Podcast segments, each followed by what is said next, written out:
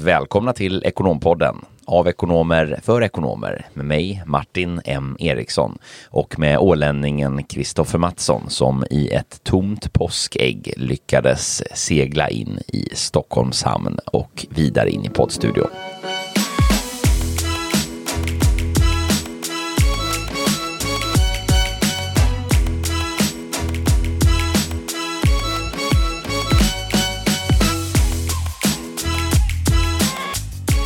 Ja, det blev lite påskägg till påsk och eh, när det här avsnittet släpps så då sippar jag på en cocktail i Marbella. Eh, förhoppningsvis jättesoligt. Jag flyger dit här eh, imorgon. Precis. Har du, har du äh, ätit någon sån här memma i påsk, påsk då? Nej, det blev ingen memma äh, det här år, året heller. Äh, blev det någon memma för dig? Nej, den här finska delikatessen? Jag har ju knappt smakat på det. Så att jag, jag håller mig borta från det. Jag sa det här innan studion, vi, vi får jobba upp vårt uppsnack igen. Jag tyckte vi, eller ja, vi är ganska tråkiga. Vi snackar bara om väder och, och, och sådana tråkiga grejer. Men vi har ju däremot försökt hålla ner avsnitten och hålla dem lite mer informativa på önskemål och förfrågan av er eh, kära lyssnare. Ja, men du kan väl berätta vad du har för färg på badbyxorna då? De, jag har flera badbrallor, men de jag, mina favvosar just nu är röda faktiskt. Ja, så pass härligt, härligt. Ja, jag håller mig till en, en enkel grön modell. Ja. Det är min favorit. Det känns, känns rimligt. Jag har ju förstått att grönt matchar min personlighet väldigt bra. Alltså färgmässigt. Jag har ju insett det när jag har kör gröna, gröna plagg i olika former. Att det, det, det, är någonting, det, är någonting med det där alltså. Ja, och så stod du och speglade dig häromdagen och, och iklädde en polo och kom också fram till insikten att du klär dig i polo. Det stämmer, det gör jag också faktiskt. Det, mm, eh, det måste jag ändå tillstå. Självförtroende var det inget fel på här. Nej, det är... Mm, alltså det är ju det är inte jag som har sagt det, men jag insåg ju det när jag tittade mig i spegeln att fan, det, var ganska, det var ganska bra faktiskt. Det var eh, mörkblå polo med ljusa chinos. Bra vår-outfit. Ja, nej, verkligen eh, skönt att eh, värmen börjar komma, ja. har kommit. Nu är du på vädret igen. Jajamän. ja, det är ju det så... vi eh, svenskar är bäst att prata om, vädret när det blir obekvämt, eller hur? Ja, exakt. Jag hade faktiskt en sån här rolig grej för mig, eh, apropå just det här, det här några år sedan. Jag bestämde mig vid något tillfälle för att jag inte fick prata eller själv ta upp väder eller någonting temperatur eller väderrelaterat när jag träffade främlingar på stan. Alltså till exempel man stod i porten och väntade tillsammans med någon eller man stod i en hiss Eh, eller kom in på jobbet eller träffade en kund eller vad man än gjorde så var det vädersnacksförbud. Och det var faktiskt jäkligt kul. Det var ett lite roligt socialt experiment att, att då, ja, men vad pratar man om då egentligen? Ja, verkligen. Och ett annat bra socialt experiment är just det här eh, ökade användningen av smartphones eh, etc. när man då är på en middag till exempel eller sitter på en bar och dricker en öl. Att alla lägger sina telefoner eh, framme på bordet och den som eh, ja, tar sin telefon först egentligen och inte kan slita sig, de får ta, eller han eller hon får betala ja. notan. Det kan bli jäkligt dyrt. Vi var ju faktiskt på middag häromdagen du och jag och då blev vi ju till och med tillsagda av eh, eh av servitrisen framåt slutet på middagen så sa hon ju till oss att eh, äh, ni sitter med era telefoner, alltså har ni så tråkigt med varandra? Ja, det var lite, lite skämtsamt, men då hade vi ju då hade vi umgåtts några timmar redan, så det här var ju mot slutet ja. av middagen då till vårt försvar. Men det ja, är det verkligen det. så. Det är ju ganska tråkigt tycker jag idag hur det har, det var en reflektion jag faktiskt drog, på tal om något helt annat, eller egentligen på tal om det här, men på nyår så, så var det här fenomenet, det kom det upp under diskussionen att folk tar bilder liksom på sin, ja, på middagen och på inramningen och man glömmer ju nästan bort att njuta av det som faktiskt sker här och nu, att folk är så, så att säga, man är så inne på att visa för andra hur härligt man har det så man glömmer att njuta av det man faktiskt gör. Ja, jag instämmer till fullo faktiskt. Jag, jag har gjort samma reflektion många gånger. Så lösningen på det är att radera, eh, eller ta en paus från de sociala applikationerna för en dag eller två. Bort med telefonen. Ja, men idag så ska vi prata om någonting väldigt, väldigt spännande eh, och någonting som vi också varit inne och tangerat vid flertalet tillfällen tidigare. Men vi, vi har pratat framtidens ekonom eh, väldigt många gånger och hur ska man då kunna säkerställa eh, kompetensen som kommer krävas i framtidens ekonomifunktioner ska vi spana lite kring i, idag. Mm, precis, vi tänkte hoppa in på eh, just det här ämnet, men vad är de här förändringarna konkret nu som vi ser eh, som, som går som löpeld här genom, genom utvecklingen framåt. Och på vilket sätt präglar det egentligen det nya kompetensbehov och ledarbehov egentligen som ju, som ju då eh, skapas som en, som en konsekvens av, och en effekt av det här. Så vi tänkte hoppa in lite på det, både utifrån då ett, ett individuellt perspektiv för dig som enskild ekonom, eh, också prata utifrån eh, ett ledarskapsperspektiv och vilka behov egentligen som ju kommer i och med det då, när det kommer till att leda den här typen av framtidens funktioner. Vilka sätt då ser vi att teknik kommer att gå igenom framtidens ekonomifunktioner och egentligen inte bara framtidens ekonomifunktioner utan det här är någonting som sker ute i organisationerna redan idag och ja, eh, för att ta det väldigt, väldigt övergripande så är det ju automation och digitalisering eh, vi pratar om, inte minst våra arbetssätt så som vi jobbar och så som vi kanske eh, inte tidigare van, blivit vana att, att jobba. Eh, jag läste en studie från, från Michael Page och något Foresight Factory som man ju då räknar och spår ju ett helt nytt landskap år 2030 eh, och att minst omkring 30 procent av eh, alla jobb relaterade till finance och ekonomi eh, kommer att automatiseras och, och, helt egentligen förändras eller till och med försvinna i, i vissa fall och det här är då bara i Storbritannien. Så det är väldigt, väldigt, eh, väldigt ja, påtagligt om man, eh, får man verkligen säga. Mm, ja, onekligen så. Vi ser ju till exempel idag som det stora skiftet någonstans i det här eh, som ju då präglar också arbetssätten och då kompetensen som krävs i det här. Tittar vi exempelvis idag på, på bara analys och rapportering så, så är det ju här klassiskt. Man har ju den här tids eh, Eh, så att säga, kalendern att, att utgå ifrån. Man väntar till den sista i perioden innan man har stängt eh, alla böcker för specifikt den perioden och fått ett rättvisande resultat innan man kan börja exportera ut siffror eh, in i någon eh, Excel-snurra eller analysprogram och liknande och då börja jobba med de här analyserna, vilket ju då betyder egentligen att, att mycket av det vi gör är ju byggt på eh, gammal data eh, och här jobbar man ju med att, att få det så pass färskt det bara går, men historiskt är det ändå gammal data det handlar om. Och tittar vi på hur det då blir när vi, när vi implementerar den här tekniken som vi ska hoppa in lite på idag och prata om vad det är, så blir det ju mer då fokuserat på att, att det sker i realtid. Mycket idag till exempel eh, affärsbeslut som behöver tas eller liknande eh, blir ju då präglade av att det behöver ske i realtid. Här har vi ju redan idag exempel på bolag som utvecklar den här typen av tjänster. Eh, vi har ju haft Mikael Kolaros i studion bland annat eh, som ju var här och pratade om AI och den tekniken och Norna, eh, bolaget som han är engagerad i som utvecklar en dynamisk prissättningsmodell eh, mot retail. Eh, och, och, vi har ju även exempel på eh, eh, exempelvis idag mm, produktionslinor och, och fabrikstillverkning och sådär där man har till exempel då realtidsövervakning på maskinparker och liknande och, och då får den här informationen i realtid. Så det, det, är ett skifte. Ja, precis. Det blir ju allt viktigare att förstå affär, produkt, tjänst rent krasst i alla led och precis som vi pratade om CFO-agendan tidigare, den blir mer affärsstrategisk och det kommer ju även ekonomins funktion att kanske gå från att vara lite mer ett, ett leveranshus, en servicefunktion som, som levererar siffror och, och, och, ett nödvändigt ont till att faktiskt vara en väldigt, väldigt affärskritisk enhet som i realtid ja, tar beslut på, på eh, både det ena och det andra. och, och Mer kompetens är ju som hamnar då i CFO-ledet. Alltså det ser vi, det ser vi idag. Idag lägger ju vissa bolag IT under CFO för att få eh, lösning på det. Men eh, även om man inte gör det så blir ju den tech, alltså koncentrationen av teknisk kompetens i CFO-ledet eh, betydligt större.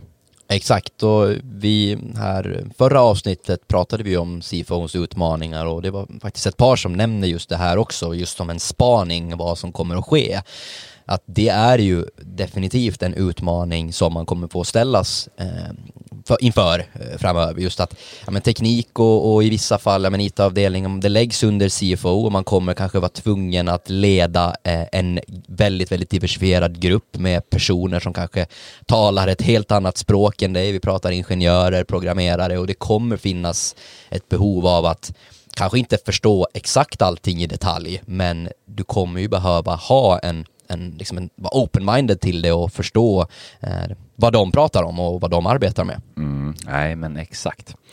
Eh, du, innan vi hoppar in på, eh, på lite då de här kompetenserna som vi ser att man som ekonom kan behöva utveckla och fokusera på att, att, eh, att göra för att just framtidssäkra sin egen kompetens så tänker jag väl att vi kan kommentera lite om det här just med eh, blockchain-teknologin eh, och lite grann den teknikens reella påverkan i den här transformationen. Vi, eh, vi kan ju tipsa er lyssnare som, som inte har lyssnat in. Vi har ju ett introduktionsavsnitt till, eh, eh, eller egentligen om kryptovalutor, då, men, men som ju då använder eh, blockchain-teknik eh, som, som, som teknisk lösning för att hantera det. Då. Eh, det kan ni lyssna in på. Eh, men vad säger du Kristoffer, vad är, vad är Eh, blockchains eh, del i den, här, i den här transformationen? Utan att gå in i alldeles för mycket detaljer så tekniken med blockchain är ju någonstans en offentlig huvudbok skulle man kunna kalla det som visar alla transaktioner i alla led. Och då är det då egentligen att alla led i den här blockkedja, blockkedjan av olika block så är validerade och består av olika ja, kryptografiska transaktioner som man då verifierar genom olika matematiska algoritmer. Jag vet inte om någon förstår någonting av det, men det gör då alltså, eh, eller det leder egentligen till att man kan få effektivare arbetsflöden och få färre mellanhänder. Och det gör att det är liksom omöjligt att falsifiera de här transaktionerna och det blir enklare att följa hela flödet och eh, det försvårar korruption och, och, eh, och gör också då att man kan överföra information eh, mellan olika ja, privatpersoner och företag i realtid mm. rent krasst. Och det här talar ju sitt tydliga språk att det kommer att påverka ekonomiprocesser och affärsmodeller. Mm. Salesforce, eh, systemleverantören Salesforce släppte en studie år 2020 redan här att, eh, och redan då eh, sa man att eh, dryga 20 procent av alla IT-chefer eh, idag eller då vid den tidpunkten kartlade affärsmöjligheter kopplat då till blockchain-teknik och därefter då initiera de här projekten om hur man ska kunna få in den här tekniken i sin verksamhet och i sina, i sina egna processer. Exakt, och det finns ju jättemånga pilotprojekt i massor av olika branscher, men framförallt finans och fintech har ju blivit en av de mest framträdande inom, inom kanske banksektorn och, och, och sådär. Men mm. i övrigt kan man väl bara lite sådär generellt säga användningsområden som det används inom idag är ju kanske framförallt inom sjukvården och sjukjournaler och hur information kommer kunna delas inom vården även framöver. Under corona i bland annat Storbritannien så kunde man övervaka eh, vaccinen och hur de har flödats, vilka kylar de har varit i och att de, det inte har brutits den väg som de skulle ha gå, gått av de här vaccinerna och även i Estland eh, har man då kunnat eh, motbevisa eller påvisa vaccinpassens äkthet. Mm. Eh, ett annat exempel, fiskindustrin i Norge till exempel, kunna spårba, spåra från då att eh, ja, men till exempel fisken odlas till att den säljs i en matvaruaffär eller, eller liknande. Mm. Nej, men precis. Eh, World Economic Forum eh, spår ju också här att 10% av den globala BNP, eller av det globala BNP då, eh, år 2025 kommer finnas lagrad på en blockkedja. Det är ju, det är ju häftigt. Det är ja, ju snart. Det är väldigt, väldigt häftigt och där är väl någonstans en uppmuntran att Ehm, som, jag tror det var Joe Atkinson som sa det, han är någon digital transformation leader på PVC globalt, att man måste bli bekväm med det obekväma och jag tycker att det här är ganska obekvämt och läskigt, blockchain, för att jag har inte liksom satt mig in i det. Men just att ha den här open-minded heten till det här obekanta, det tror jag kommer vara en framgångsfaktor mm. eh, framöver. Verkligen, vi ska hoppa in på, på just framgångsfaktorerna hos ekonomen och ledaren eh, i, i, organisationen och vilka ju de, de är för att framtidssäkra sin kompetens. Utöver, utöver just finansiell eh, sektor som, som, som vi nämner här, som vi ser många fintechbolag och sådär som, som använder just blockchain-teknik i sin verksamhet Eh, vad, vad, vad, ser du för andra exempel på, på just branscher eller verksamheter där man, där man kan få in det här? Jag tänker fastigheter är ju ett spännande område bara för att ta ett exempel. Verkligen eh, fastighetstransaktioner, försäkringar, juridiska tjänster. Man, man, man brukar ju prata om de här smarta kontrakten då man egentligen kan undvika mellanhänder och göra, ingå avtal eh, och, och, göra transaktioner. Och, så det, det, det öppnar ju upp ja, men hur många möjligheter som, som helst i många olika branscher. Och, eh, jätteintressant grej, jag läste en, en, eh, en studie här tidigare faktiskt om just energimarknaden och hur hela den kommer att kunna påverkas.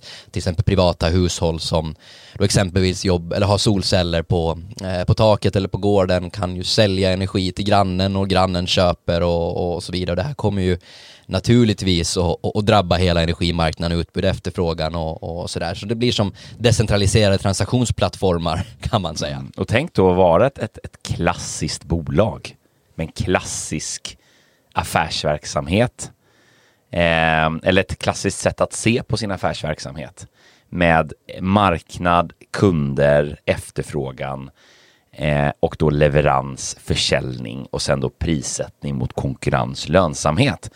När då de här nya teknikerna och helt nya marknadsplattformarna kommer in i det här och ju totalt förändrar spelreglerna i den befintliga verksamheten.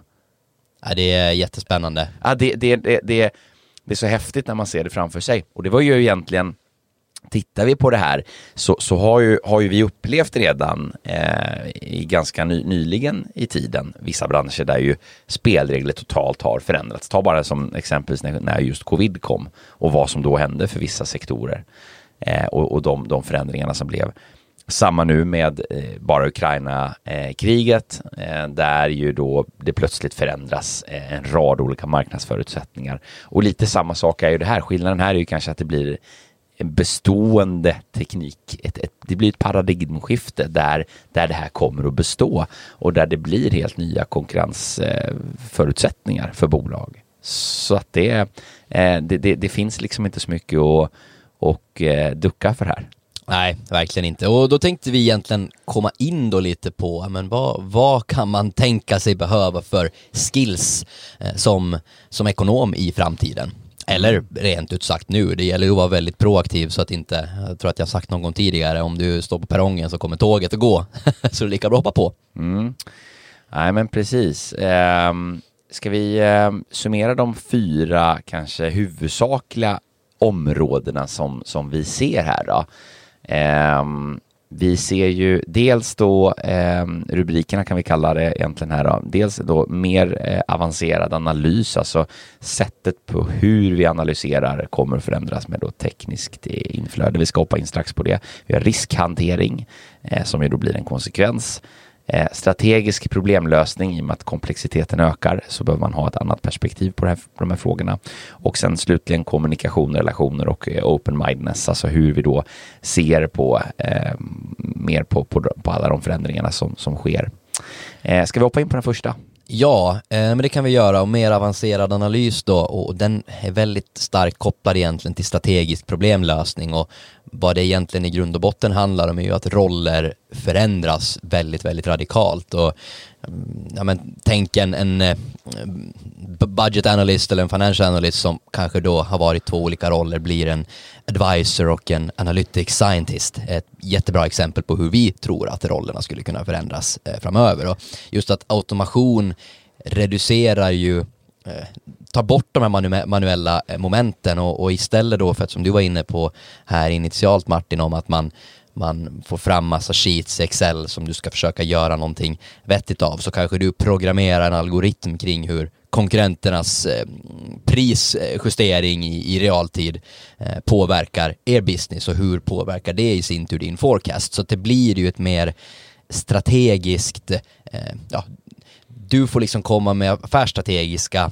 beslut på ett helt annat sätt än att kanske bara leverera information. Så det är ju den stora, eh, stora ändringen, förändringen som vi ser. Mm. Och, och, det är klart att se då på hur, hur de här ändringarna ska genomföras och hur man då kommer att jobba i de här rollerna så, så påverkar det ju otroligt mycket eh, den kompetensprofilen som ju sätts. Det, det är ju som man ju hör själv här, ja, men då kanske det plötsligt inte handlar om att skriva en teknisk, eh, eller förlåt, skriva en, eh, Eh, en, en, liksom en, en analys eh, och, och rapport eh, på ett pedagogiskt sätt enkom utan snarare eh, få, få verksamheten och kanske då förstå eh, data, hur det visualiseras på, på ett sätt i realtid och så där. Så att det, det blir helt nya, nya skills. Um, vi kommer in lite mer på, på personlighetsdelarna om en stund, eh, men riskhantering blir ju ett sånt här område som ju också då tydligt slår igenom. Eh, vi tittar på då hur man eh, i, den här, i det här landskapet då ska kunna navigera också med till exempel då cyberrisker och alla de eh, hotbilderna som, som kommer när vi blir mer digitala och tekniska. Eh, hur vi jobbar med då regelverk i den här miljön eh, och regelefterlevnad. Eh, sen validering utav, utav kanske den här blockchain-tekniken också för den sakens skull och vilken typ utav blockchain man använder. Eh, så blir ju då riskerna som kommer i och med det här större och det kommer ju också säkerligen få en, en stor implikation på hur bolags riskhantering ser ut och, och, och vilken, vilken kanske koppling som, som eh, CFO-ledet får till det här. Precis, ökade, ökad regelefterlevnad och regelkrav att förhålla sig till. Jag vet att vi diskuterade tidigare till exempel hur man värderar tillgångar som till exempel eh, bitcoin, kryptovaluta eh, etc. Mm. Eh, och ja, tar vi fintech, alla eh, regelverk kopplat till open banking och allt vad man kan tänka sig. Så det, det är också någonting som styr våra affärsmodeller och, och hur vi kommer att jobba framöver. Sist men inte minst då har vi ju det här med kommunikation och relationer som ju alla är ganska enade om att det här kommer man ju aldrig kunna ja, automatisera bort helt om vi kommer alltid vara beroende av oss eh, människor bakom liksom den artificiella intelligensen och maskininlärning och, och allt vad det är. Just att få mer tid till att bygga relation och ta de här besluten och bidra eh, med affärsbesluten och, och mm, mellanmänskliga relationer helt enkelt. Och de mellanmänskliga relationerna kanske blir eh, mer komplexa också när vi då ska jobba med eh, i större utsträckning betydligt fler typer av kompetenser och pratar olika språk. Alltså tittar du idag på en ekonomiavdelning så, så pratar man ju samma språk på den här avdelningen. Eh, och plötsligt kommer vi ju kanske inte göra det. Nej men exakt, just det här, ja, men jobba med crossfunktionellt i bolagen och lära sig nya, lära sig prata deras språk och det behöver inte bara vara IT chefen och, de som sitter och programmerar utan det är alla led inom, inom organisationen egentligen. Mm, precis, och bara inom till exempel IT och teknik pratar vi ju nya språk idag. Nu pratar blockchain och, och sådär. Så, så är ju det bara inom det skrået att, att se det gamla sättet att tänka programmering med att idag jobba med modern ny teknik så ser vi bara inom det tekniska landskapet av ingenjörer hur olika språken kan vara och då är det ändå samma yrkesbakgrund man har. Precis så. Och vad innebär det här då? Det är ju det vi kanske tycker är allra mest spännande och som vi kanske vill förmedla med det här avsnittet också att behovet av personlighet, din personlighet, din öppenhet, din flexibilitet, din, ditt sätt att angripa nya problem och lära dig nya saker, det kommer vara framgångsfaktorerna framöver. Och just att rekrytering tror vi båda är ganska övertygade om att kommer styras mer mot att vara personlighetsdriven. Just för att det här är kompetenser eh, som man behöver besitta men det är kanske roller som ju inte finns definierade idag. Utan eh, det är snarare hur man ska angripa problem som kanske uppstår eh, och, och se möjligheter. Ja, men exakt. Det, det, det, gör ju, i och med att vi går från det förvaltande till det innovativa och eh, förnyade, så att säga, så, så, så präglar ju det såklart eh, behovsbilden. Eh, det blir i, i regel mindre statiskt och mer dynamiskt. Och det är klart att det är två olika personlighetstyper som passar in i det. Så är du en förvaltare och gillar att skiffla siffror från ett ställe till ett annat och, och, gör det på ett visst sätt, samma sätt hela tiden? Eller är du en Eh, person som är med i framkant och driver utveckling eh, och eh, jobbar med att möta de här utmaningarna och problemen som kommer så, så är det givet, precis som du säger, att, att det blir mer och mer personlighetsdrivet. Och det är ju en jättespä, ett jättespännande landskap att, att navigera i också, att förstå det här. Och jag tänker också utifrån ledarperspektivet så blir ju det här en, en kritisk för, alltså kritisk kompetens också att ha med sig att ledaren kommer behöva vara än mer specialiserad på att faktiskt leda. För du kommer inte kunna vara som, som lite klassiska ibland synen är att ja, men, CFO på en avdelning är den som besitter mest kompetens och kan, kan mest. Eh, framförallt på många mindre mellanstora bolag så ser det ofta ut på det sättet idag. Eh, och så kommer det inte riktigt att vara framöver, utan man kommer att behöva förlita sig mer på den kompetensen och förmågorna som finns ute i teamet och, och, och adaptera ett, ett, eh, betydligt mer kanske agilt angreppssätt i, i hela utvecklingsarbetet. Exakt, och det där är ju jätteviktigt och när vi har läst på lite många eh, internationella studier och undersökningar som har gjorts så är det ju just det som kommer att vara framgångsfaktorn för organisationen, att man kanske tillämpar ett mer, ett mer agilt arbetssätt, att ja, men det är viktigt att man som organisation kommer att ha den öppenheten inför de här problemen och ge resurser, tid och möjlighet för personal, medarbetare att utvecklas eh, utveckla sig själv men att man faktiskt ger dem Eh, det de behöver. Alltså lite krasst så här att ja, men här får du en, en, en, en dator och du får eh, liksom lös problemet. ja, jo exakt. Så ser det ju lite ut idag ibland på vissa ställen också. Eh, kanske egentligen inte för att det behöver vara på det sättet utan för att, eh, för att eh, man har en dålig onboarding. Men eh, det man kan se är ju tydligt så här, vilka personer är det som trivs i det där och gillar det där och vilka gör inte det. Eh, men sen är det klart att det blir ju ett landskap också utifrån ett ledarskapsperspektiv att kunna eh, hjälpa sina medarbetare att faktiskt orientera sig i det här okända. bekväm med det obekväma, sa Verkligen. du häromdagen till mig. Ja, precis. Jag tror jag sa det tidigare också. Jag tyckte att det var väldigt, väldigt bra, eh, bra talande beskrivande för just det här som vi pratar om. Men det här fortbildning av medarbetare och en, en, en tro på att de kan klara av saker och ting och även för egen del, alltså resurser, verktyg. Det finns jättemycket på nätet man kan läsa sig till, titta på tutorials och, och sådär. Så en, en, ja, hos alla individer behöver man ha just det här eh, growth mindset. Mm, verkligen.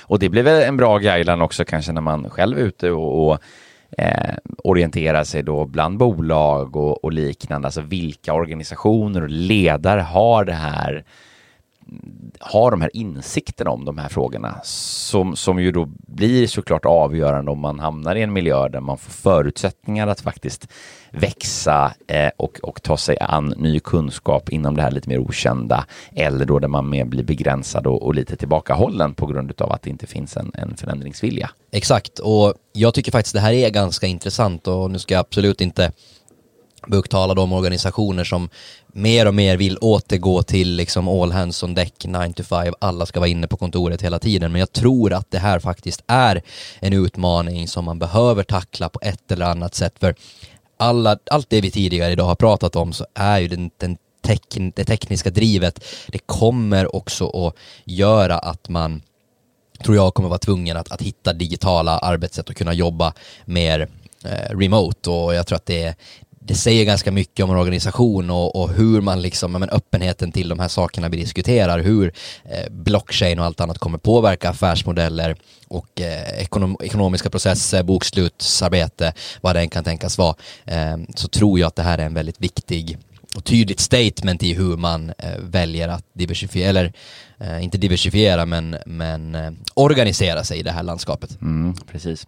Så, sen kan det här ju kännas lite övermäktigt när vi pratar om det ibland, för många kan uppleva liksom, ja men herregud, liksom, i vilken ända ska jag börja då? Vart startar jag i den här, i den här resan? Och jag skulle väl, väl uppmuntra till att liksom gräv där du står. Alltså det är väl liksom första steget någonstans, precis som du själv varit inne på lite grann, att det finns otroligt mycket att, att göra bara där man själv befinner sig involvera sig exempelvis i systemprojekt i olika former, eh, ta sig tiden att, att bevaka kanske nya typer av verktyg och, och, och, tekniska lösningar som, som erbjuds, följa med då i de här, i de här debatterna, gå på seminarier, Eh, läsa spännande artiklar, lyssna på Ekonompodden som pratar om, om det här. Ja, men just låt dig inspireras och se bara möjligheter. Det är ju liksom som precis som allt annat som vi nämnde tidigare när coronapandemin väl kom så var det ganska enkelt att låsa sig och bli extremt liksom rädd och nervös och osäker snarare än att och se det för vad det är och mm. finnas i det och, och, hitta möjligheterna och lösningarna. Verkligen.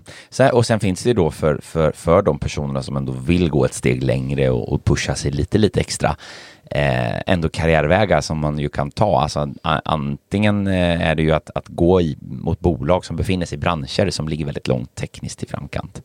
Eh, vi har ju varit inne på och dragit lite exempel på, på branscher och där det finns också exempel på specifika eh, tillväxtbolag eller scale-up-bolag, eh, startups och annat som, som ju är i den här verksamheten och i den här miljön.